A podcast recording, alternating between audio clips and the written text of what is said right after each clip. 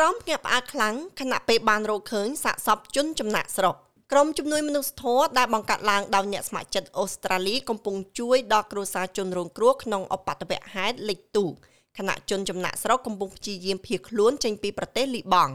វាត្រូវបានគេយល់ថាលីបង់សេរីនិងប៉ាឡេស្ទីនកំពុងព្យាយាមទៅប្រទេសអ៊ីតាលីហើយឥឡូវនេះសំណួរនៅតែមានថាតើត្រូវធ្វើអ្វីដើម្បីដោះស្រាយការខូចខាតនេះ វាគឺជាដំណើរការនៃការព្យាបាលបញ្ហាសតិអារម្មណ៍សម្រាប់ក្រុមនីវឹកដែលធ្វើការដើម្បីសង្គ្រោះជីវិតដែលបានបាត់បង់ជីវិតនៅក្នុងគ្រោះមហន្តរាយលេខទូកាលពីដើមឆ្នាំនេះនាវាមួយទឹកនៅលើកប៉ាល់ចេញពីផែនៅម៉ោង4ទៀបភ្លឺជារៀងរាល់ព្រឹកជនជាតិអូស្ត្រាលី3នាក់ដែលមានដើមកំណើតជាជនជាតិលីបង់បានព្យាយាមយកសាកសពមនុស្ស40នាក់ដែលបានស្លាប់នៅពេលលិចទូកកាលពីខែមេសា ណាស៊ីសាប៊ីនកើតនៅប្រទេសលីបង់ប៉ុន្តែគាត់មានសញ្ជាតិអូស្ត្រាលីយូរមកហើយ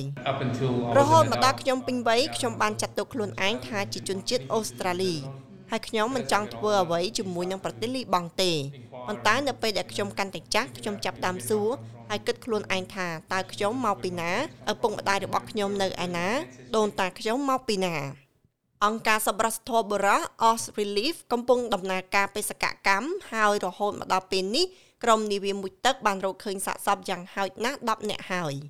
លោកសាប៊ីនគឺជាវិស្វករដែលមានបទពិសោធន៍30ឆ្នាំនិងមានអាជ្ញាប័ណ្ណជាអ្នកមួយទឹកនិងបើកបរទូកគាត់បានស្ម័គ្រចិត្តនៅពេលដែល All Relief ចាប់ផ្ដើមប្រតិបត្តិការដោយសារតែទំនាក់ទំនងរបស់គាត់ជាមួយលីបង់ខ្ញុំជាវិស្វករជោគជ័យម្នាក់និងមានពហុសញ្ជាតិយើងទាំងអស់គ្នាជាអ្នកស្ម័គ្រចិត្ត យើងធ្វើបែបនេះព្រោះយើងចង់តបស្នងត្រឡប់ទៅវិញក្រុមនេះនិយាយថាគ្រួសារនៅតែកាន់ទុករយៈពេល4ខែបន្ទាប់ពីសោកនាកម្មនេះហើយវាគឺជារឿងសំខាន់នៅក្នុងការជួយពួកគេដោះស្រាយបញ្ហាផ្លូវចិត្តនេះសាកសពខ្លះត្រូវគេជឿថានៅក្នុងកាប៊ីនទូកនៅឡើយចំពោះសាកសពដែលត្រូវបានគេរកឃើញគោលបំណងនៅក្នុងការបើកបង្ហាញដើម្បីប្រគល់ជូនក្រុមគ្រួសារឲ្យរៀបចំពិធីបុណ្យសពនោះគឺត្រូវបានផ្អាកហើយ ការបាក់បែកនៃសាកសពមានន័យថាពួកវាបានបាក់បែកនៅពេលដែលព្យាយាមយកមកវិញហើយនៅក្រោមសម្ពាធនៃទឹកទូកត្រូវបានជាប់គាំងនៅក្នុងដីខ្សាច់យ៉ាងខ្លាំង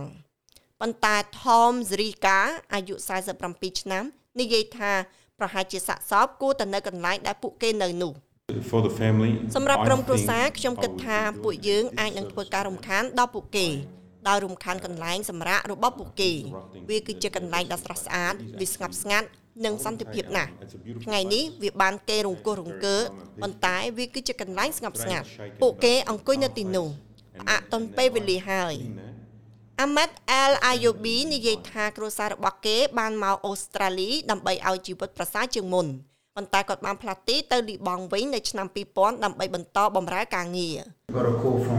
ខ្ញុំបានទទួលការហៅទូរស័ព្ទពីប្រទេសអូស្ត្រាលីដើម្បីចាប់ផ្ដើមធ្វើការជាមួយនឹង Os Relief ហើយគួរឲ្យអស់សំណើចដែលខ្ញុំនិយាយថាខ្ញុំបានបដិសេធវាជាច្រើនដងដោយសារខ្ញុំនិយាយថាខ្ញុំមិនចង់មានការទទួលខុសត្រូវអ្វីទេគាត់និយាយថាគាត់បានឃើញមនុស្សរស់នៅក្នុងតង់ខ្ទមដូច្នេះត្រូវធ្វើការងារបន្ថែមទៀតដើម្បីជួយសហគមន៍ សង្ឃឹមថាយើងអាចបន្តបានហើយរីកធំជាងអ្វីដែលយើងមាននិយាយអញ្ចឹងខ្ញុំទៅតែមកដល់ទីនេះ2ឆ្នាំប៉ុណ្ណោះលោកស្រីកាំងនិយាយថាគាត់គ្រប់គ្រងជនភៀសខ្លួនហើយគាត់ចង់ជួយកន្លែងដែលពួកគាត់អាចធ្វើបានគាត់និយាយថាជនភៀសខ្លួនសមនឹងទទួលបានកិត្តិយសនិងការគោរពយើងជាម្នាក់ក្នុងចំណោមពួកគេយើងជាផលិតផលនោះ